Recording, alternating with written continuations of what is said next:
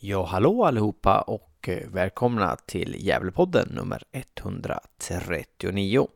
Där ni först får lyssna på tre intervjuer som Hugo Ådvall gjorde efter Gävles 0-1 förlust mot Sandviken. Först får vi lyssna till Sebbe Sandlund, sedan följt av eh, Albin Loekangas och till sist eh, den gamle Gävle mittbacken, numera mittback i Sandvikens IF, Olof Mård. Efter detta får ni lyssna till ett eh, analyssnack som jag, Andreas Ström, tillsammans med Hans Karstensen, Josef Karstensen och Jimmy Morén gjorde dagen efter förlusten mot Sandviken. Mixen är gjord av mig, Andreas Ström, och eh, har man någon åsikt om eh, hur vi gör vårt arbete i Gävlepodden så får man gärna mejla oss på Gävlepodden 2.0 yahoo.com. Vi vill också att ni går in och gillar oss på Facebook och då söker man på Gävlepodden i sökfältet och ansöker om medlemskap. Ni kan också gilla oss på Twitter där vi heter Nya Gävlepodden. Med det sagt så önskar vi er en trevlig lyssning.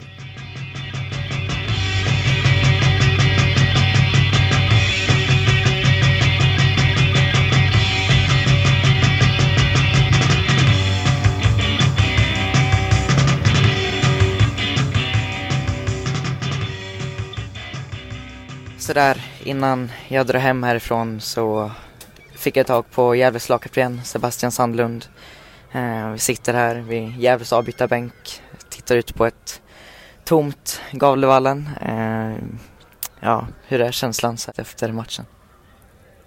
Ja, just nu är det jävligt tomt.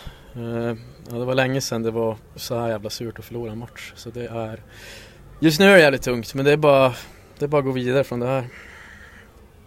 Eh, hur tycker du matchen ser ut där ute idag? Eh, många har pratat med säger att det är jämnt och Albin Loekangas menar på att ni var värda en poäng. Håller du med om det? Ja, det tycker jag. Eh, sen har ju Sandviken sin spelidé och de, de får in en kasse och sen så, ja de är svåra att komma igenom. Det, de är jäkligt organiserade, det är svårt att hitta igenom deras lagdelar. Så de, det är ett svårt lag att möta när man, när man ligger under mot dem det är det verkligen. Men eh, i stora hela tycker jag ändå att det är en jämn match. Det är det, det, är det absolut. Eh, vad snackade ni om innan? Vad, vad, visste ni om Sandviken? Vad skulle bli nycklarna i matchen? Ja, vi har ju, vi har ju relativt bra koll på det. Det är ju många i laget som har kollat på matcherna. Jag bland annat, Mackan har stenkoll. Så vi, vi vet ju, det är väl lite som Gävle har spelat tidigare med Pelle så vi visste ju, det är ett, det är ett jäkligt organiserat 4-4-2 Eh, finns ytor, ja, med vårat som vi ställer upp så finns det ytor egentligen i de flesta lagdelarna men det vi det vi egentligen flaggar för mest det var ju deras det är deras forwards både i anfallsspel men men speciellt i försvarsspelet. Jag tror, jag har nog aldrig mött några forwards som jobbar sådär hårt i försvarsspelet och det, det är inte kul som, som innermittfältare eller i backlinjen där och, och möta dem. De är, de är verkligen, det ska de ha all cred. De, de sliter arslet av sig i, i försvarsspelet också. Det är svårt att möta. Mm. Eh, din egen insats idag, vad tycker du om den? Ja, det är väl helt, ja sådär är det väl. Helt okej. Okay. Jag hade väl velat ha ja, lite mer boll och Ja men det, det är lite svårt också som, när man möter Sandvik som innermittfältare. De spelar ganska mycket på kanterna. Så man är inte så jäkla involverad i, i, an, eller i försvarsspelet utan det är lite mer, det är anfallsspel jag hade kunnat bidra lite mer känner jag. Så jag är lite besviken. Ni skapade väldigt mycket lägen då och fick iväg kanske mer skott än vanligt mot eh, Sandvikens mål. Eh, vad tycker du ni är bra där för att ni kommer till sådana lägen? Uh, ja, jag tycker vi kommer till sista tredjedelen ganska ofta. Uh, det är väl egentligen slutprodukten som, som inte blir av än en gång. Utan det, är, det är någonting vi måste träna på. Och ta med till, till nästa omgångarna nu.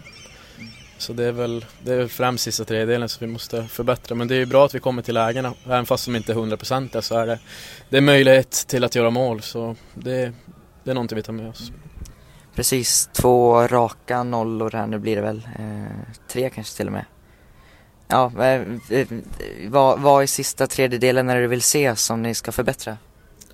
Ja, det är svårt att ta ut en punkt, men eh, jag vet inte, vi kanske måste bli lite mer tydliga med vad vi, vad vi vill göra när vi väl kommer upp dit och har det klart för oss. Eh, det är väl, ja, det är svårt att säga, men sista tredjedelen det är det absolut svåraste i fotboll. Så det är inte bara, det är inte bara en sak som ska förbättras, utan det, det är hela paketet. Eh, nu är det tomt här, men eh, det var strax över 5000 under matchen. Hur var det att spela inför så mycket publik? Ja, det var verkligen, det var en upplevelse. Det var det absolut. Man kommer, man kommer nog komma ihåg den här dagen för, för evigt tror jag. Det var, det var väldigt speciellt och om det hade varit så här varje match hade man varit jäkligt lyckligt lottad men det var, det var en upplevelse. Jag är tacksam för, för alla som kom hit och, och alla Gävle-fans som, som verkligen, som vi kände att vi hade i ryggen. Så det är, det är jag evigt tacksam för. Eh, var det som du förväntade dig? Ja, det var bättre än förväntat faktiskt. Det var så här mycket folk trodde inte skulle komma. Så de har, de har gjort ett bra, bra jobb med att få upp intresset inför matchen och det, det ska de på kansliet allt cred för också. Eh, och sista frågan nu då, hur, hur blickar ni framåt nu? Eh, Akropolis nästa helg, hur ser arbetet ut fram tills dess? Ja, vi får väl börja med att analysera den här matchen och eh, ta med oss de, de, goda delarna som vi, som vi faktiskt gör bra och sen förbättra de delarna som, som vi inte gör lika bra. Men det är bara, just nu så är det jäkligt deppigt där omklädningsrummet, det förstår man. Man, fan, man vill ju inte förlora ett derby. Så det, just nu är det deppigt, men vi får samla batterierna nu och så är det bara att komma igen till, till nästa helg helt enkelt.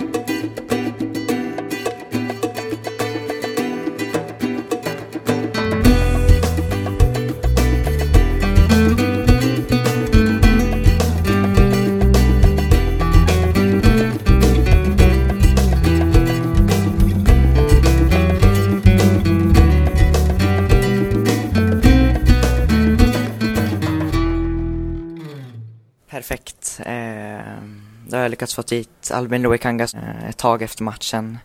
Eh, hur, hur tungt är det så här efter? Nej, det är riktigt tungt faktiskt. Det, jag tycker vi förtjänar minst en poäng.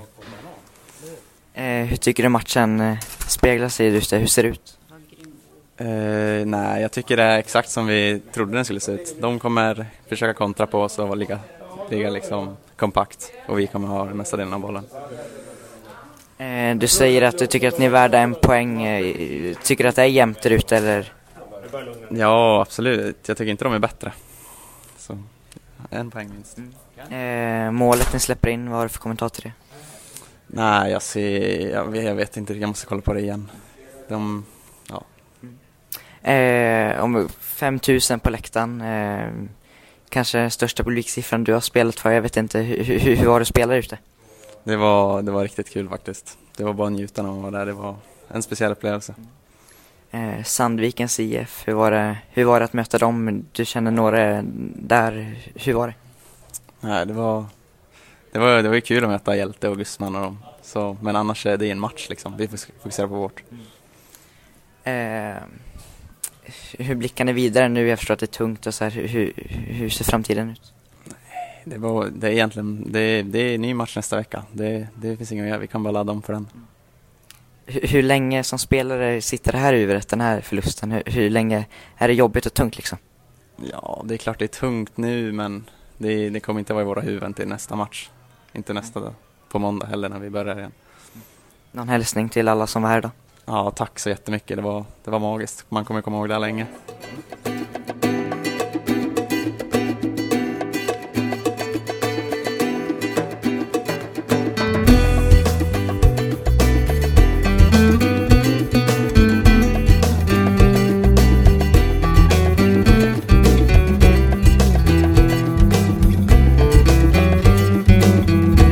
Känslan så här direkt efter matchen? Derbyvinst 1-0.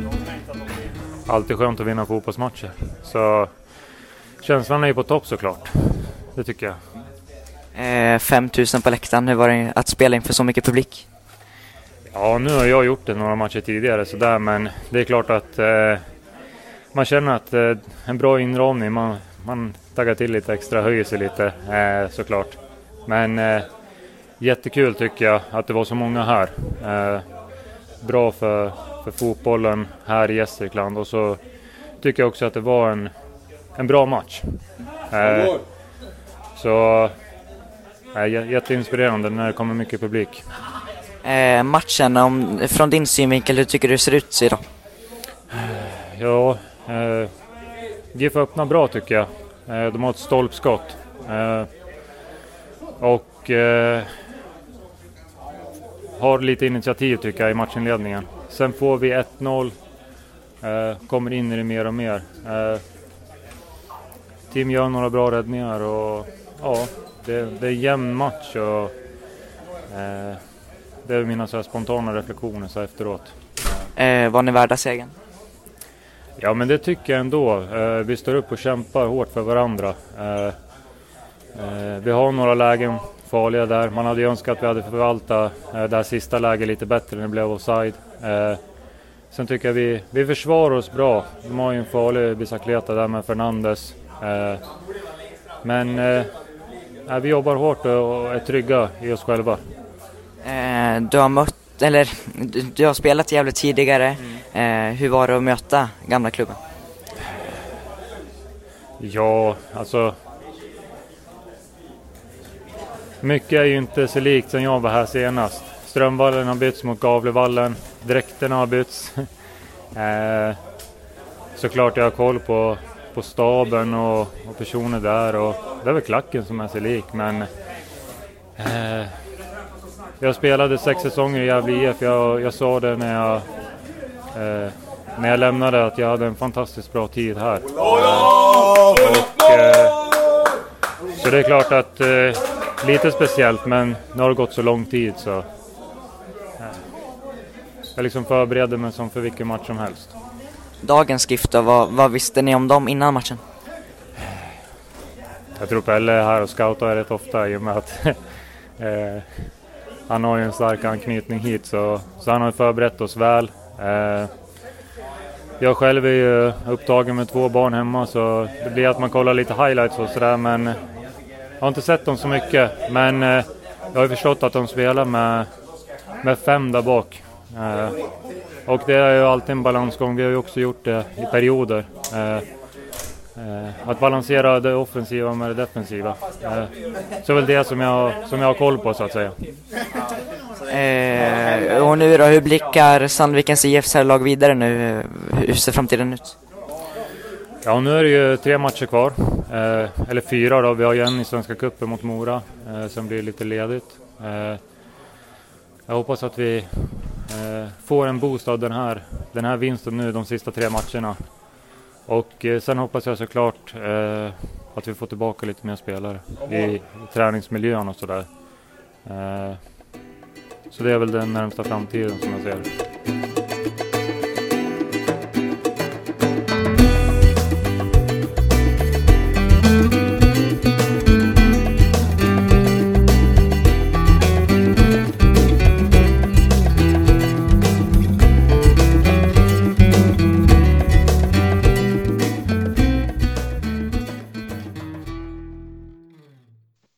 vill jag önska er eh, hjärtligt välkomna till Gävlepodden nummer 139. Där vi ska köra ett, eh, ett litet analyssnack efter eh, Gävles 0-1 förlust mot Sandviken. Med mig har jag Hans Carstensen. Hallå Hasse! Tjena Andreas! Tjena, kul, tjena. Kul att vara med igen, fast jag är lite, det är lite fruktan från min sida för att eh, jag vet inte om eh, jag kommer säga så mycket PK, ha så mycket PK-åsikter idag. Nej, men din funktion är ju inte att vara PK, utan du, du, du ska ju gå på liksom. Okej, okay, då är jag redo. yes. Eh, Josef, eh, nya podd-Josef Carstensen. Ja, jag är tillbaka och är inte heller så PK vanligtvis. Så jag lär väl få, få ett, ett och annat meddelande av Järnvallen eller Rödväst. Som njuter i denna dag. Efter deras eh, otroligt oförtjänta seger igår med 1-0. Ja. ja, jag tycker du har tagit strid bra på, på eh, Svenska fans forum mot, eh, mot de eh, Sandviken-fansen, eller vad vi nu ska kalla dem, Hammarbyarna. Ja, tack så Eh, mycket. Eh, och sist men inte minst eh, Jimmy Morén. Ja. Välkommen! ja, tack så mycket. Kul att vara med. Ja, men vi, eh, vi slänger oss över eh, Sandvikens-matchen direkt då. Ehm, och då undrar jag eh, vad vi hade för förväntningar på spelet och hur det blev. Vad säger du Hasse? Ja, jag tippade ju 0-2 när vi satt förra veckan och snackade upp den här matchen. Det blev ungefär så som jag trodde det skulle bli. Eh, otroligt tajt från Sandvikens sida. Eh, och när jag såg att Belander och Mård var med i uppställningen så, tänkte, så trodde jag att, eh, blev jag ännu säkrare på saken. Jag var ganska säker på att vi skulle torska den här matchen faktiskt. Särskilt som vi eh, ja, har varit så otroligt ineffektiva eller snarare impotenta framåt och inte kunnat skapa egentligen någonting. Vi spelar runt, runt, runt liksom. Så att ja, det blev eh, kusligt likt eh, som jag trodde det skulle bli alltså. Jag är väl inne på ditt spår också. Lite så här att jag tippar ju dock 3-0. Och eh, det var med förväntat att vi skulle ha mer boll och eh, styra spelet mer än vad Sandviken gjorde. Och dessvärre fick ju inte vi första målet. Och eh, vi skapade ju knappt några farligheter alls. Eh, känslan var att eh, vi har utvecklat vårt spel nästan sen Karlstad borta. Men vi har inte utvecklat vårt anfallsspel ett dugg. Vilket vi märker idag, för vi, eller igår, för vi var helt uddlösa. Så därför, därför är jag riktigt besviken. Och, men matchen var ungefär som förväntat. Tyckte jag. Ja, Jimmy? Ja, det kan man ju stämma in tycker jag. Jag tycker... Jag, jag var ju på plats för...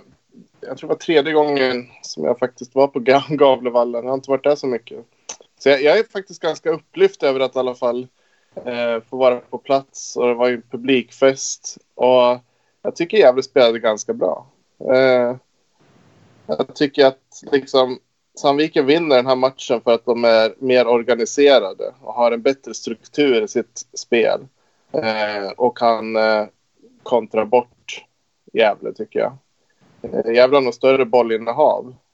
Och eh, några skickliga spelare finns i Gävle också som eh, skapar en del. Men kollar man på strukturen då. Magnus Hägerborn var inne på det i en krönika som han skrev i Gävletidningen idag. Eh, just att hur man kollar hur Gävle ställer upp då med 3-5-2 och två eh, wingbacks som egentligen då ska komma med inlägg till, eh, till de två forwards. Eh, så det funkar inte helt enkelt. De kommer inte med några som helst inlägg och eh, Gävle är totalt uddlösa framåt. Trots att de har ett stort bollinnehav och eh, ser långa stunder ganska bra ut och trycker på bra där på slutet. Har en bra chans också med Fernandes att få till en kvittering. Eh, Men eh, Sandviken är lite smartare, lite bättre organiserade helt enkelt. Och vinner ju då ganska, ganska logiskt egentligen. Men jag tror att eh, en sån här match kan Gävle vinna ändå. Med lite bättre struktur. Det var lite så här Nyköping-känsla över det hela kan jag tycka. Att det kändes som att inför Nyköping-premiären hade vi ju hypat upp Nyköping enormt. Eh, om att eh, när jag såg att Groda hade varit med i podden så att man fick en känsla av att de här kommer vara vassa. Eller mycket vassare. Men eh, så spelas matchen och man känner efter att fan vi kunde lika gärna ha vunnit den här. Lite den känslan var det igår där Leo Englund är upphypad. De får in både Belander och Mård. Man tänker att nu kommer vårt försvar framförallt få problem. Men försvaret löser det mesta och eh, vi klantar oss själva och blir galet straffade på det. Men sen har de ingenting. Och som jag sa, det är ju värsta med att möta Sandviken är som att möta gamla Gävle. Alltså man älskar ju själv när man gjorde 1-0 och bara stod och slog på försvar. Men det finns ju inget tråkigare än att möta ett sånt här lag. Nej, alltså, och sen eh, vi, vi har ju enligt den officiella statistiken så har ju Gävle fyra skott på mål och Sandviken har två. Och det är fyra fyra i, i hörner. Så att eh, vi har ju enligt statistiken i alla fall fler avslut på mål än vad, än vad Sandviken har i matchen. Och det är väl också lite gamla Gävle mot Elfsborg. Men då kunde det vara 14-2 i avslut. Fast vi, de hade några väldigt farliga lägen. De missade några väldigt öppna lägen där de sköt utanför väldigt många gånger. Eh, och sådana öppna lägen som de hade, det hade aldrig vi i matchen faktiskt. Så att det är lite missvisande att räkna skott på mål och en del skott som vi sköt på mål var ju liksom bara ja, det var ju bara för Sandvikens målvakt att lägga sig fem minuter på bollen på dem. Så att, eh, men, men, men jag tycker att alltså vi spelar fram till det att Leo Englund gör 1-0 så har ju vi, där spelar vi vår bästa fotboll. När det är så här osäkert, när Sandviken måste gå fram lite. Jag tycker Grace är väldigt bra just under den perioden. Han gör väldigt mycket, också, både på egen hand och eh, Ja, ah, han, han tar emot bollar och han, han, vågar också driva på mål och man märker att de har respekt för honom. Men, men sen när de får 1-0 så stänger de ner oss totalt alltså. Så att eh, vi, vi, vi hittar inga nycklar där helt enkelt. Det är väl lite typiskt eh, Pelle Olsson också. Är det någonting han är duktig på så är det ju att, att, att få ett lag och, och stänga igen precis. Sen, sen har ju de, sen har vi alltså, vi, det är ju jätte, han, Linus Mattsson är jättelovande och Måns är jättelovande spelare. De kommer ta kliv de närmaste åren, men de känns lite valpiga. När vi var, var jagar en kvittering på slutet, så det, det, det, räcker att de får en liten knuff så flyger de liksom. Det, det, ja, det är, alltså man märker det att Sandviken, det är mer tyngd i Sandviken eh, faktiskt. Alltså de kan spela mer cyniskt och det, det, de har varit med förr känns det som på ett helt annat sätt än vad vi har. Eh, ja, man det... märker ju också att det är ett väldigt rutinerat division 1-lag. För att man ska också ha i åtanke att Sandviken hade sju skador. Men kändes ändå som att de kunde fylla på i matchen med sina avbytare som ändå höll division 1-klass. Medan vi har så otroligt varierande kvalitet på våra avbytare. Så att, och vi blir så otroligt begränsade i vad vi kan sätta in. Eh, ofta så har jag väl känslan att vi har rätt mycket oprövat på bänken på denna nivå. Vilket, ja men det blir lite frustrerande ändå. För Sandviken har sju spelare, eller var fem eller sju spelare borta. Och eh, vi, när vi trycker, när vi går för en kvittering så skapar vi knappt några klara målchanser. När vi fortfarande ska vara så pass bollskickliga. Det är, det är oroväckande.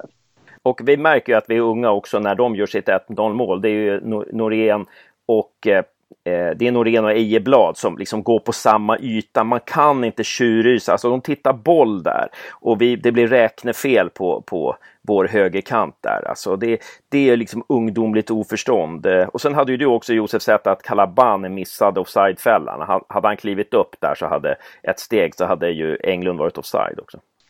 Är inte det där lite baksidan av att hålla på och byta positioner på, på backarna hela tiden? Eh, nu har vi blivit tvingade till det eftersom Axel har varit borta. Och, men sen har Ejeblad, Ejeblad spelat mittback och nu var han ytter, eh, wing i den här matchen igen. Borde man inte liksom försöka spela med samma tre mm. hela tiden så långt det är möjligt? Jag tror du är inne på något där. Eh, om man kollar på hur, hur de tänker här att de har ju spelat 3-5-2 hela säsongen. Eh, och jag tänker att han vill skapa en kontinuitet i eh, uppställningen och, och, spelsystemet. För det är många unga spelare, de behöver kontinuitet, behöver bli bekväma i sina positioner. Och då går ju det lite eh, tvärt vad man faktiskt jobbar mot och genom att de ofta byter positioner. De har, de har spelare då som ska kunna spela på flera olika positioner, men ska man vara ärlig så tycker inte jag att de passar i alla positioner. Om man kollar på Frej Engberg och Ejeblad så är inte det några ytterspringare. Utan de skulle nog passa väldigt bra i, i en mittbacksposition eller mer central roll i alla fall. Eh, det, så jag, jag, är lite inne på samma spår. Att man, ska man spela ihop den här trebackslinjen då ska man försöka hålla sig till de spelarna man tror på där. I och med att taktiken verkar vara att man ska, man ska hålla fast vid 3-5-2. Eh, och man har ett spelsystem som ändå, man ser ju ändå vad de försöker göra i anfallsspel och försvarsspel. Det, det resulterar i en fembackslinje, va? Alltså att man inte har något kantspel överhuvudtaget. Eh, man, safear ju. man safear ju den här matchen. Det är som att man har jätterespekt för Sandviken och verkligen vill gå in och ha fem backar fr från start. Eh, för jag menar, jag vet inte om det var mot Sollentuna som vi ställde upp med, med MMA på ena wingen och Nisse på den, på den andra. Och då, då safear man ju inte, utan då går man ju för det. Liksom. Men jag menar, vi möter Sandviken på, på hemmaplan. Och, och i min bok, nu kanske jag är väldigt sådär, men jag tycker att hemma så ska man vinna eller i alla fall spela oavgjort. Man ska inte förlora hemma i den här serien mot någon. Egentligen. Jag tycker liksom, om, om man har wings, om man spelar med wings, då, då, då, då ska ju en, den typen av spelare kunna bidra både offensivt och defensivt. Annars tappar man ju en väldigt stor dimension av ens anfallsspel. Jag pratade lite med eh, René Makondele efter matchen. Och han sa det liksom, om, om man inte har några spelare med, med specifika spetsegenskaper, då ska man spela 4-4-2. Det är enklast. Och det är enklast att falla in i och skapa en trygghet då. Spelar man 3-5-2 då, då säger man egentligen att vi har spelare med spetsegenskaper som, som faktiskt klarar av att spela wings. wings vi hade ju det med Piotr Johansson och Anton Krall. Det var ju två spelare som faktiskt kunde spela wings och kunde bidra både offensivt och defensivt. Men i den här truppen finns det ju inte någon sån. Det skulle vara enklare att spela ett spelsystem som, eh, som alla känner till och som, eh, som inte kräver de här spetsegenskaperna det känns ändå naturligt att göra det tycker jag. Eh, jo, samtidigt, samtidigt, förstår jag liksom att han vill ha kontinuitet. Att Marcus vill ha kontinuitet, det förstår jag. Liksom. Och att man inte ska hålla på att byta spelsystem varje match. Utan han har ju hållit fast vid 3-5-2 hela säsongen. Så det, ja, jag förstår Aha. det också. Jag har ju lagt fram den teorin förut att, att jag tror inte att man värvade för, en, för Wings från början. Utan han hade ju någon där då han, han ville spela något 4-3-3 i början eh, på försäsongen eh, som inte slog så väl ut. För det blev ju, det blev ju som att vi bara hade en, en forward och blev väldigt dåliga framåt. Så jag tror, ju, jag tror fortfarande på min teori att man inte har värvat för det här. Egentligen. Nej, och då, och då ska man nog inte spela det spelsystemet. Det är väl egentligen... Men Nej, det är synd nu att, att han har liksom hållit fast vid det hela säsongen. Och det är tråkigt att konstatera nu att det inte funkar. Man, man kunde ha gjort det mycket tidigare, en sån förändring. Då. Sen ska man men, säga, men, men vänta, vänta, även, vänta. Om, även om man hade kommit in med bollar i det här läget liksom, från wingsen så, så har vi ju två forwards som inte gör mål helt enkelt. De, de, de skapar för lite på egen hand. Nu tycker jag ändå Grace var hygglig i första halvlek och skapade lite på egen hand. Det var nog hans piggaste insats hittills. Men vi har två forwards som, som inte håller helt enkelt. Det är, det är bara att konstatera. Men under hur kan jag är bara nyfiken så här. 3-5-2 har ju ändå fungerat defensivt i år. Det var ju någonting vi inte hade förra året när Marcus kom in. Att eh, då var vi både helt värdelösa offensivt och defensivt. Då har vi i alla fall löst defensiven. Men varför skulle vi då ändra spelsystem när vi knappt släpper in någon mål? Ja, men det blir, det blir ju en fembackslinje nu va, i stort sett här mot Sandviken. Och det som händer är att de skapar för lite framåt, tycker jag. Då. Men alltså, som jag sa, jag har respekt för att man försöker behålla ett spelsystem och spela in det. Men det som händer är att de blir extremt kompakta och en fembackslinje är svår att komma igenom. Speciellt om man som Sandviken vill anfalla på kanterna. Samuel Persson är ju otroligt duktig talang, deras högerback där. Han kommer förbi några gånger, men eh, i stort sett är det omöjligt att komma förbi när de spelar med en kompakt fembackslinje. Men konsekvensen blir att Gävle gör för lite mål. Och när man dessutom inte har forwards som kan skapa målchanser på egen hand, då, då blir man för uddlösa. Jag tycker Gävle ändå har ett lag som ska kunna, som ska kunna prestera bättre offensivt. Ja, nej men vår offensiv, det pratar vi, har vi pratat om länge nu. Jag menar, jag vet inte hur många matcher vi har varit mållösa nu. Men, men eh, i alla fall tre matcher i rad är det. Eh, och eh, det, det alltså, man, man ser alltså, jag har svårt att se vad vi vill eh, med vårt anfallsspel. Eller jag kan se att vi söker, vi söker de här diagonalbollarna ut på kanten och sen så när man är ute på kanten så ska man kunna, då har man antingen slå ett inlägg med marken eller slå ett inlägg, eh, ett, ett, ett, en, en hög boll eller så slå en markare eh, snett inåt bakåt. Då, liksom. Men det där är ju scoutat, det, där, det finns ju ingenting nytt. Vi hittar ju inga ytor när vi gör så här. Och ofta är vi, är vi för få i, i straffområdet när vi anfaller, som ni säger, vi blir baktunga, vi har fembackslinjer, vi är få och sen är vi även stillastående. När Sandviken slår inlägg, alltså Emil, första inlägget på Emil Belander, det nickar ju han utanför eh, eh, vår vänstra stolpe, alltså det är ju bara en decimeter eh, eh, utanför, som han, det, och det är efter åtta minuter någonting. Va? Eh, och, och det känns ju liksom att Sandviken har första stolpen eh, eh, och sen så har man också en punkt att man spelar eh, i, ska vi säga, en, en punkt eh, Eh, mot bakre stolpen fast eh, eh, eh ja, ska säga, sju, en sju meters punkt från bakre stolpen dit man ofta kommer med fart. In, när inlägget slås så finns ingen där, men när bollen dyker dit så ska någon finnas där. Liksom. Att man rusar in i luckan. Och, och Otroligt enkelt och simpelt, men Sandviken var betydligt farligare med sina inlägg än vi, vi med våra. Jag förstår inte vårt inläggsspel alltså. Jag, jag har svårt att förstå det och jag, jag, jag, tycker att Mackan verkar jätteduktig på att eh, i klassisk jävla organisera försvarsspelet. Men anfallsspelet alltså, jag, det, det, vi, vi, det är som att vi inte vet vilka uppspelspunkter vi har och vart bollen ska. Och sen så är det ju fara med en massa mittfältare i truppen är att ingen vill ta ansvar för avslutet. Va? Alltså man försöker lägga över ansvaret på någon annan. Det är alltid någon annan som ska ha bollen. Va? Ja, jag, vet, jag och Jimmy pratade, eller eh, jag och Josef pratade lite om, eh, om, eh, om Leo Englund och varför han spelar i Sandviken och inte spelar i, i, ehm, spelar i Gävle. För jag tycker att det borde varit en spelare vi, vi borde haft chansen på. Men Josef menar att, att han är en typisk 4-4-2 anfallare som kanske inte skulle ha passat in i Gävle. Vad säger övriga om detta? Jag sa väl mer, vänta, vänta. Jag sa väl mer att, jag sa inte att han inte skulle passa in i Gävle. Nej. Utan jag, sa, utan jag sa ju det att han trivs nog mer i en 4-4-2. Och därför väljer Sandviken före, för han vet ju vad de står för.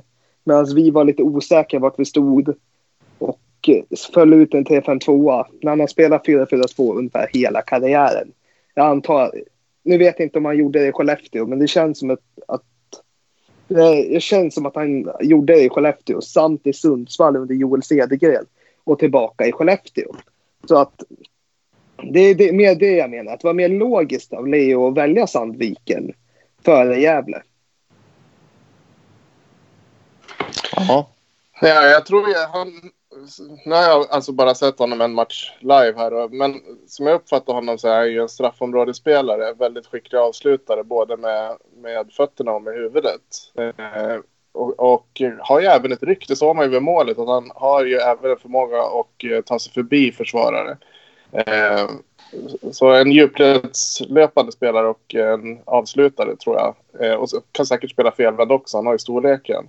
Eh, så jag, jag kommer tillbaka till det. Liksom. Spelar man 3-5-2 med wings, då, då satsar man ju på att anfalla på kanterna och komma in med inlägg till, till forward som ska komma på avslut. Så då tror jag att liksom, Leo Englund hade passat bra där. Jag menar, vi har, Grace Tanda är väl en spelare som ska kunna avsluta där, men han är, han är över hela banan, Grace Tanda.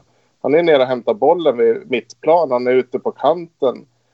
Det, det, det är liksom ingenting som går ihop tycker jag med att spela 3-5-2. Man, man, eh, man tänker ju att kan man spela så, då ska man ha inlägg från kanten och så ska man ha två vassa forwards som är bra på one-touch-avslut.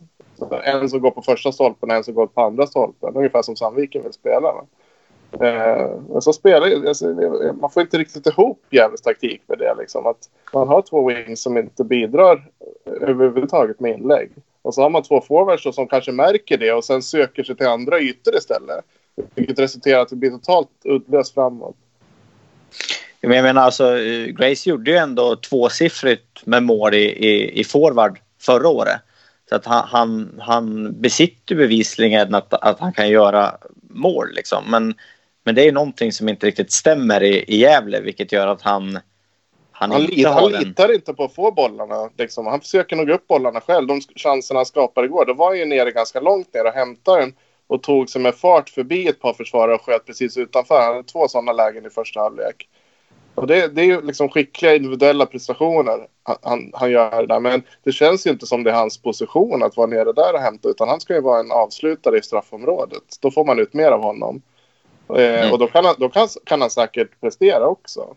Men det känns inte som att han litar riktigt på med, med, med, eh, med spelarna. Och, nej, men liksom, taktiken håller inte riktigt tycker jag. Strukturen håller inte riktigt. Nej, och då kommer vi ut, utsökt in på det som vi har tjatat om här i, i, i månader, alla Gävle-fans. Och nu fick vi som vi ville. Vi fick Sandlund, vi fick Ranera, vi fick Rojas i en offensiv mittfältsposition och Tanda och, och Julio framåt. Men, men eh, det hjälpte ju inte. Det var ändå ganska spännande för det var den första matchen det här som Rojas, Tanda och eh, Fernandes var på planen i alla fall startade matchen samtidigt. Mm. Jag tror att de vid något tillfälle har varit på planen samtidigt i slutet av en match. Men de har i stort sett inte spelat ihop. Och nu gjorde de det och på slutet så var det ju i stort sett en tvåbackslinje. Sandlund och Kalabane var de två enda kvar eh, längst bak. Och då, då var det i stort sett Rojas, Tanda och Fernandes längst upp också. Det tyckte jag såg ganska intressant ut. Det, det kanske är liksom en 3-4-3 med de tre framåt möjligtvis att det är offensivt. Men det var lite så de startade nu här. Men man har ju ändå inget, eh, inget kantspel så då kanske man ska försöka eh, ge dem lite friare roller där i, i en, en, en tre, eh, tre forwardslinje. Kanske. Jag tyckte ändå det såg ganska spännande. De skapade ju mycket med, med den formationen på slutet. Mm. I alla fall mycket alltså, bollinnehav. Kanske inte skapade så mycket farliga chanser, det var väl Fernandes där. Men jag tycker ändå det såg bra ut och det kunde med lite, lite bättre spets kunde det ha skapats fler chanser också utifrån det bollinnehav de hade. Mm. Men jag tycker Rojas, han, han, är ju liksom, han har ju nästan rollen av eh, en sån här eh, eh, trekvartista, en sån här italiensk eh, offensiv mittfältare som ska liksom, ja. lite som, lite som Boxlin liksom. Man var den här som skulle hitta ytor och så. Men jag, jag, det känns som att han fick, eh, ja, han fick lite skit här i Rojas från lite olika håll efter matchen. Men jag tycker ändå att jag, jag, har, jag har svårt att se vad han gör dåligt. För han, vad fan ska han spela liksom? Alltså det, när han kommer fram där, då är liksom då är alla markerade och ingen löper någonstans. Och det, bollen ska bara ut på kanterna. Liksom. Eh, alltså jag, jag har svårt att se, vi måste ju... Ja, vad, vad ska han hitta på liksom? Det finns ju inga löpningar. Det finns ju ingen att spela var, på. Jag tänkte också på det. Det var väldigt lite löpningar. Det var mycket, mycket, nu tycker jag ändå det här var en ganska välspelad match. Eh, faktiskt. Det var mycket mer koncentration i passningsspelet och det såg faktiskt ut som en match på högre nivå än division 1. Måste jag säga. Kanske att jag reagerade annorlunda för att man såg matchen live än på tv. Men jag tänkte på det att det, var, det såg ut att vara en mer välspelad match. Sådär. Men, men just det ser man att löpningarna, det tas inte tillräckligt mycket löpningar. Eh, och då blir det svårt att få en hög passningsprocent också. Det blir ofta passningsläggaren som ser dum ut. Men han, ser man från hans perspektiv så har han inte så många alternativ alltid.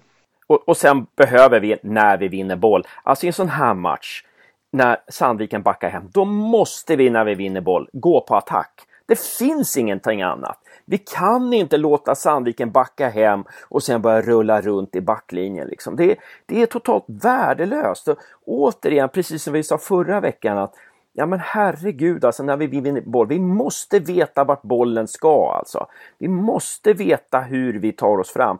Men jag håller med där att jag, jag var väldigt imponerad av när Sandviken backade hem och det var jäkligt tjockt på mittfältet. Då var jag väldigt imponerad av oss att vi kunde hitta emellan, hitta små ytor och trä in den i fickor här och där sådär. Nu ledde det ju ingen vart liksom sista tredjedelen men, men jag var ändå imponerad av vår, vår bollskicklighet hjältar, det får jag säga alltså. Ja, sen eh, alltså jag, jag, eh, jag blev arg några gånger och skrek. Det gör jag i och för sig under matcherna, men eh, jag blev lite förbannad på Sandlund en gång för att han, de, ofta försöker man spela svårt istället för att spela enkelt. Alltså, det finns, finns öppningar och så slår man den inte där utan man, man blir liksom Ja, om man inte ser eller om man, man vill försöka göra det, det svåra, det, det vet jag inte. Men det är några gånger som jag blir riktigt frustrerad framför, framför tvn. Det, det, eh, en anledning till att jag nästan inte var med idag, det var för att jag skrek. Så, jag sjöng innan matchen och så kom det den där jävla blåa röken som inte jag var beredd på. Och då stod jag under den här OH-flaggan liksom och var helt... Och jag tänkte, vad fan är det här liksom? Det tog ett tag innan jag... Alltså det var både rök och skrik och sen var det, ja, sen var det kall luft när jag cyklade hem. Och, äh, fy fan, jag var riktigt illa i halsen. Men det är en parentes. Det, sätt in, donera till mitt konto. Rädda Karsten. Uh, nej. Men lite som vi var inne, lite som du och jag har diskuterat idag Hasse. Uh, det är ju att Ja, men jag drog upp som förslag att man kanske antagligen... Jag tycker att de är så pass nära ändå att fullända ett spel i Gävle som de inte har varit på flera år. Att eh, försvarsspelet sitter nu i alla fall riktigt, riktigt bra. Det här var senast vi kojade ungefär. Det var så här. Men anfallsspelet är, ja det har vi, ser vi alla, är på tok för uselt. Och då har jag varit, funderat på om man kanske skulle ta in en ny assisterande tränare. Eh, istället för Jonas. En, så att Marcus då får en röst utifrån och eh, några nya perspektiv på hur man kan anfalla. För man ser ju att han har lärt sig försvarsspel väldigt bra över dessa år. Men anfallsspelarna har inte tagit upp någonting. Ja, precis. Jag tror det skulle behöva, det, det, var väldigt intressant när du sa det igår.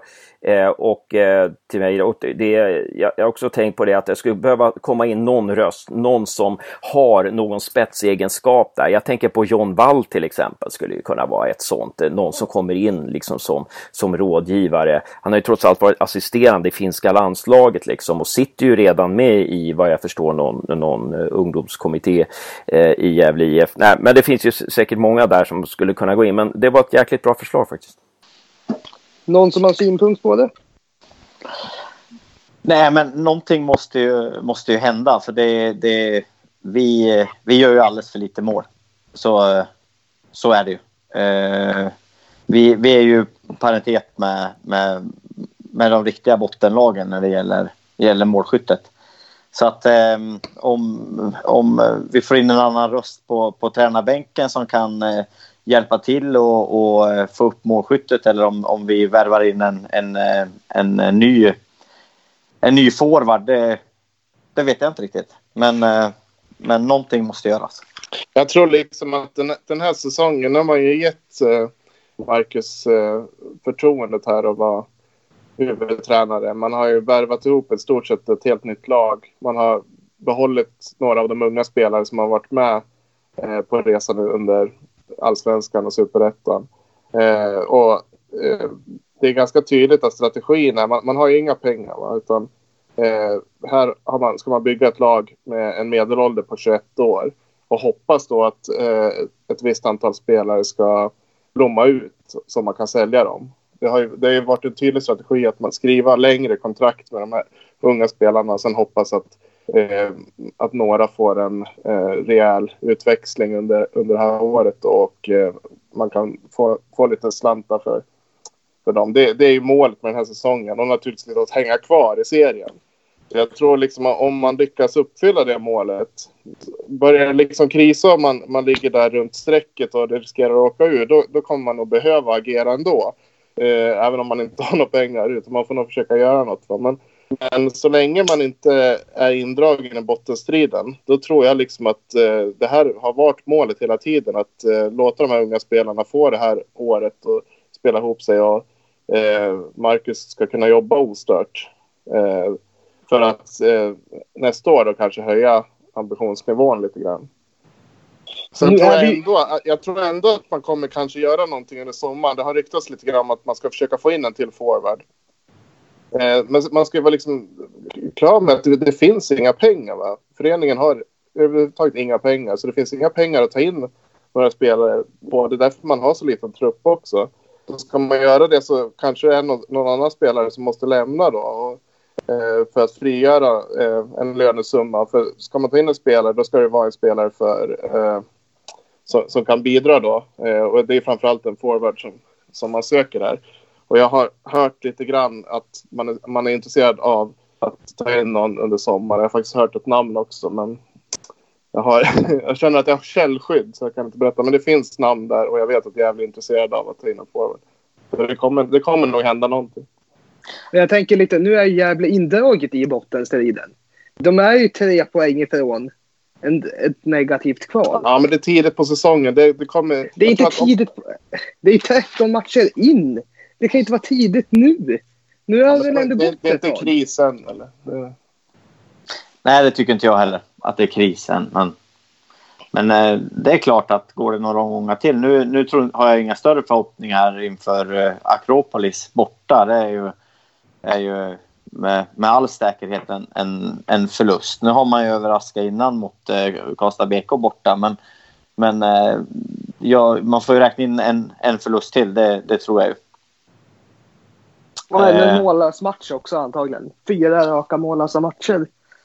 Precis. Eh, sen, sen blir jag lite där Jimmy säger, vem, vem skulle vi sälja? Det är ju de enda två jag ser som, som, som är säljbara i Gävle som det, som det är nu. Det är ju Jaja och eh, Sebbe Sandlund i så fall.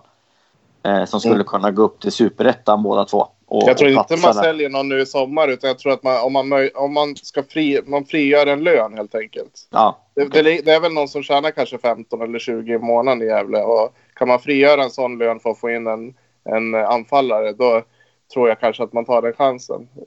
Sen kanske det går att frigöra pengar också, det vet jag inte. Men vad jag hör så finns det inga pengar överhuvudtaget. Va? nej. Eh, och nu fick man ju, alltså med, med tanke på den publiksiffran som var nu så, så fortsätter det ungefär lika nu eh, publikmässigt. Att det är 600 på matchen. Då, då kommer man ju att, att dra över snittet ganska, ganska bra också.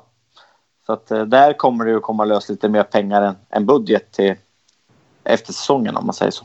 Eh, ja, det ska bli intressant att se. Det, det fanns ju många positiva grejer där med publiksiffran var ju jäkla kul. Vädret, fasen, var- eh, uppladdningen och att det var fullt över hela arenan, vilken var fantastiskt liksom. Och, och två klackar som sjöng och sådär. Eh, det, det, var ju jättebra. Alltså det, det, ja, no, några saker där som jag tänker, Sandviken-klacken, det var kul att liksom, de har fått ihop en klack nu då och eh, även om de inte har så många sånger och även om det är någon sponsor som har delat ut likadana tröjor till dem och likadana halsdukar så det kändes lite som AFC Eskilstuna där ibland. Men det är bra att de är på gång. Det, det tycker jag är kul för, för distriktet och sådär. Eh, eh, och sen så tyckte jag tifot, eh, Carrick-läktarens tifo var helt grymt alltså. Helt grymt. Men det jag skulle vilja är ju att det finns en eller två två kanske behöver vara i Carrick-läktaren som är lite av ledarfigurer och liksom visar vägen på restauranger också. Okej, nu är det det här som gäller. Nu går vi tillsammans. Vi håller ihop och så vidare. För när vi gick så var det liksom en del bara drog iväg där framme och alltså man måste ta hand om alla. Alla måste känna sig sedda. Eh, det är så man bygger en supporterkultur, en publikkultur, en läktarkultur. Va? Eh, det, vi behöver en, två ledare som håller ihop oss va? och som ser till att se alla som inte är där. Det, det skulle jag vilja. Alltså, men jättebra jobb förstås av de som har, eh, men, men det, det är någonting att jobba för i klacken där. Och sen vill jag också framhålla Nisse Nilsson. Vi klagade lite på honom sist, men jag tycker han gör ett skitbra inhopp idag. Jag tycker han går in och knappt gör ett misstag. Och det kanske bara för att han vågar göra misstag. Jag tyckte han var, ja, det var kul att se Nisse alltså.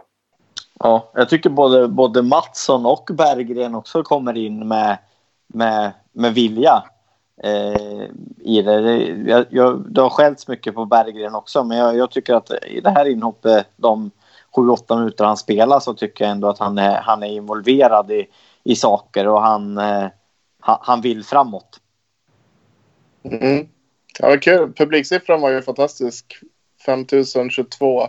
Jag kollade lite i databasen om jag kunde hitta någon högre publiksiffra i Gävles historia på den här tredje, nivå tre då. Det fanns det inte. Den här, man slaktade ju förra rekordet från 1979 mot OP. Eh, så var det 4243 på Strandvallen. Så det var ju nytt rekord på nivå 3. Fantastiskt. Och mycket mer än man trodde kanske också. Man hade kanske räknat med runt 3 500 och så blev det 5 000. Så det var, det var positivt. Det tror jag de tyckte var kul också i dels ekonomiskt men naturligtvis för intresset. Och hade Gävle vunnit den här matchen då kanske man hade fått lite lyft publiksiffran också de kommande matcherna här. Ja, eh, ni som var, det var, vilka var på plats då? Jag var ju hemma, jag kunde inte komma, men eh, Hasse du var på plats och Jag var på plats. Josef också. Ja. Och jag var på plats. Det var första gången på eh, flera år jag var på plats. Jag var på pressläktaren och träffade mina gamla kollegor Stisse och Sasse och Hägerborn och Karin Johansson och eh, Kent Björk och alla, alla, alla de här gamla kollegorna som när, när jag jobbade på Gefle Dagblad. Så det var, faktiskt, det var faktiskt riktigt kul. Ja, jag, jag satt ju och lyssnade på, på Karin och, eh, och Magnus då när de kommenterade. då blev det ju lite snack det här som Josef var i, i, i luven med, med aliaset Järnvallen och så att, eh, att, eh, att Sandviken nu eh, kanske går om eh, Gävle och blir nummer ett. Det pratar man ju om i, i sändningen också, Magnus och, och Karin. Då. Eh, nu pratade man väl det i förra podden, men det är ändå intressant liksom, hur, man, eh, hur man ser på det.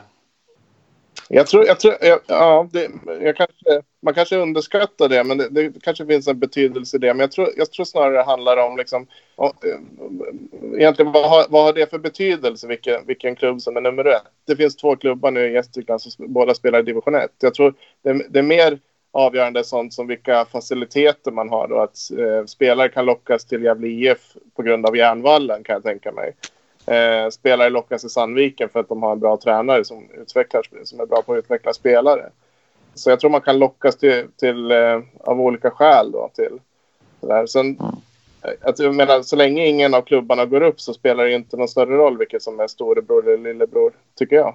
Det, Nej, du, du det, menar... Kommer, nog, det kommer nog vara några år av derbyn nu, känns det som. Ja. Du menar Gavlevallen, Jimmy? Jag förstår vad du menar. Men eh, du sa Järnvallen nämligen.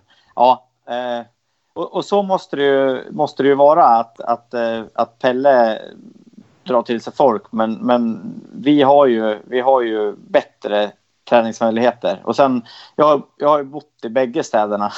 Jag gick ju mitt gymnasie i, i Sandviken och, och, och man åkte till Gävle. Liksom. Man kunde inte vara kvar i Sandviken. Det var ju inte världens bästa ställe att vara på. Så att, jag menar, både staden och, och, och Gavlevallen borde kunna locka locka spelare. Ja, det är väl ekon ekonomin kanske är bättre i Sandviken nu och, ja. och att man har en tränare som... Eh, ja, men det var ju säkert skälet då till att Leo Englund till exempel valde Sandviken. Det sa ju Pelle också att, att eh, Sandviken kunde vara bra för Leo lika mycket som Leo kunde vara bra för Sandviken.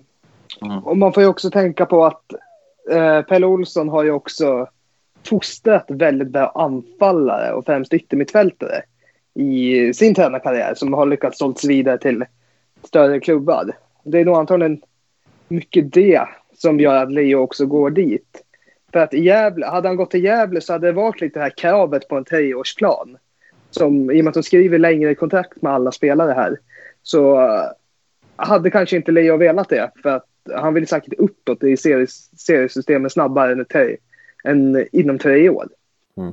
Josef, jo, Josef, du var ju inne på, när vi pratade igår och eh, så sa du, du var ju in, jag var jäkligt negativ, men du var ju ganska positiv. Du sa ju liksom att eh, inom ett, två år, då är vi före Sandviken, för vi har mer utvecklingsbara spelare. Vi jobbar liksom, eh, vi, vi jobbar ja, på ett annat sätt, medan Sandviken kommer fortfarande spela det här spelet som inte är ett, som inte är ett spel som man vinner någon serie med.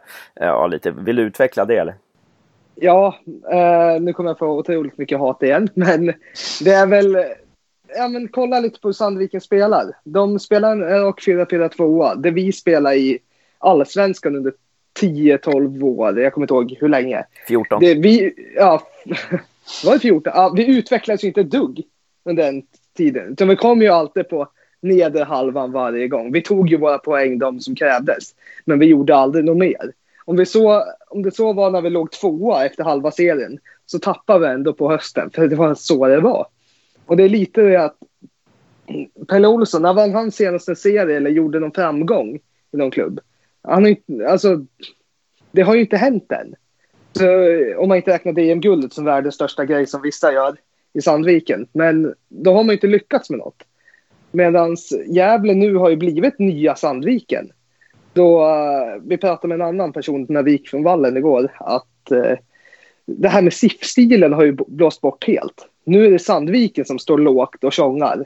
Det är exakt det Gävle har gjort tidigare och vi har mer yngre spelare som har egentligen kritat upp på att vara här en längre tid. Vi ser, det finns en otrolig utvecklingspotential i väldigt många av våra spelare. Medan många i Sandviken är runt sin prime nu och eh, kommer eventuellt vilja gå vidare i karriären. Eh, det, det som kan hända då är att Sandviken får mer ekonomi. Eh, men samtidigt så säljer inte division 1-klubbar så himla högt. Och om man ska säga, ja, vilka som kan gå just nu som är riktigt bra, det är ju Emil Belander och Leo Englund. Och eh, de är ju redan prövade på högre nivå, men inte lyckats helt. Så de är inte värd hur mycket som helst. Samtidigt, de har den här yttern, Sim, Simba, Simba, som, han är riktigt bra. Och han har, Samuel Persson tror jag har en nivå till i sig. Helt klart. Han är 21, Men- 20 eller 21 och han ser man sam- han, han, Jag tror inte han slog en felpass på hela matchen och är otroligt lugn i sitt spel och har ett rörelsemönster som ser ut som eh, en spelare på betydligt högre nivå. Men samtidigt så spelar, alltså det är ändå division 1 och eh, vi går för ett mer attraktivt spel. Vi försöker utveckla. Det är därför vi har så pass bollskickliga mittfältare. Medan, ja vad har de just nu? De har en otroligt, de står bara rätt Sandviken. Därför tror jag att om inte Sandviken, Sandviken byter tränare till någon som faktiskt kan spela fotboll. För det krävs lite mer, mer än bara stå rätt och tjonga långt för att vinna division 1. Och för spelarmaterialet har de just nu, fast de har helt fel tränare för att kunna gå upp. Och när Pelle då säger det idag under gårdagen att eh, han säger att ja, men vi, tåget har antagligen gått i år. Då tycker jag att det är ett rätt stort misslyckande för Sandviken som nu har haft han i snart tre år. Om man inte lyckas ta sig längre än ja, mitten eller lite övre placering i division 1. Jag sa fel, det är 12, 12 raka år hade vi. Jag la till på de här två åren på 80-talet också. 12 raka år hade vi. Eh, men ja, ja, nu är det ett sidospår bara. Vi ska snart sluta här, men, men jag bara fråga Jimmy. Eh, undrar om det här var högsta publiksiffran på tre år på Gavlevallen sen vi spelade hemma mot Hammarby eh, 30 juli 2016. Kan det stämma, tror du? Mm. Om du ger mig någon minut så kan jag kolla det. Det kan klippa, klippa bort sen. Så som att jag är jättesnabb. um, ja, nej, jag, jag vet inte om jag ska köra ett... Eh, det är klart, jag håller med Josef eh, i mycket han säger. Jag, jag är ju lite nostalgisk och, och Pelle har gjort otroligt mycket bra för, eh, för Gävle IF. Men, men till syvende och sist så är det ju så att vi, vi hade 12 säsonger i Allsvenskan och vi hade 12 säsonger på oss att och utveckla oss själva både spelmässigt och eh, ekonomiskt utan att lyckas. Um, och när vi äntligen fick den här nya Gavlevallen då, då var Pelle borta och vi, vi hade åkt ur. Liksom. Så att, eh, jag håller med Josef, men sen ska man komma ihåg också att, att eh, utan Pelle Olsson så hade vi, hade vi inte haft de åren i, i allsvenskan. Men, men som sagt var så, så gav vi inte oss själva chansen att utvecklas och, och göra någonting större av det. Ja, Pelle, har alltid, Pelle har alltid en plats i mitt hjärta, så att, eh, det vill jag säga om Pelle lyssnar på det här, mot förmodan. så, så vill jag säga det också. Eh, har, vi någonting mer, har vi någonting mer, Andreas, innan vi går vidare? Eh, nej, jag vet inte. Jag, jag såg ju Rojas lite hårt här innan, men eh, jag, jag tar väl tillbaka det till, till viss del. Jag, jag tycker aldrig att han kommer riktigt in i den här eh, matchen i, igår. Eh, men eh, men eh, jag, jag gillar ju Isak och hoppas att han, eh, han blomstrar mot Akropolis. Och det ska bli roligt att se om de studsar tillbaka nu, för det har man ju gjort några gånger. Ska jag svara på din fråga nu? Ja, gör det. Eh, Hammarby sa det va? 30 juli 2016 var det 5 884 mot Hammarby då. Man hade den säsongen 2016 på Gavlevallen hade man två till matcher förutom den mot Hammarby som var över 5 000. Så det här är den fjärde högsta. Ja, det, den är faktiskt... Eh, ja, det är den fjärde högsta sedan 2016. Ja, det är kul. Ja. ehm, lite kort bara. Vi kan väl, hur, hur tror ni, eh, vad är möjligheterna mot eh, Akropolis i, i nästa omgång? Eh, Hasse? Ja, vi sa ju 10% eller 1% när vi åkte bort mot Karlstad där, men nu är Akropolis fruktansvärt bra. Uh, vi ger oss, eh, vi har uh, 2% chans till seger och 8% chans att nå oavgjort. Josef? Noll procents chans. Jag tror att vi kommer åka på... Vi kommer kanske kunna ta en poäng, men vi kommer inte slå Akropolis. om vi har problem mot Sollentuna och Sandviken så kommer vi inte ha någon chans mot serieettan. Jimmy? Ja, nej, jag, jag, tror inte de kommer ta någon poäng i den matchen. Jag ser som sagt, jag ser för stora strukturproblem i, i sättet att spela som jag tror kommer bli, det kommer straffa sig liksom. Jag har svårt att se dem skapa tillräckligt med målchanser. De eh, Gävle förlitar sig för mycket på individuella prestationer och jag tror inte det håller riktigt. Däremot spelar man då ett lågt försvarsspel med en fembackslinje så kan man göra, i alla fall göra det svårt för Akropolis att ta sig igenom. Mm. Um, ja, vi, vi, det är inte så stort hopp, men uh, vad jag har hört så är det otroligt bra mat uh, där nere i Stockholm på uh, Akropolis matcher. Så då får väl uh, Carrick-läktaren njuta av uh, käket istället helt enkelt. Uh, ska vi avsluta så? Det låter bra. Då tackar jag alla för att ni ville vara med. Tack själv Sten. Tack ska ni ha. Ha det gott. Ha det gött.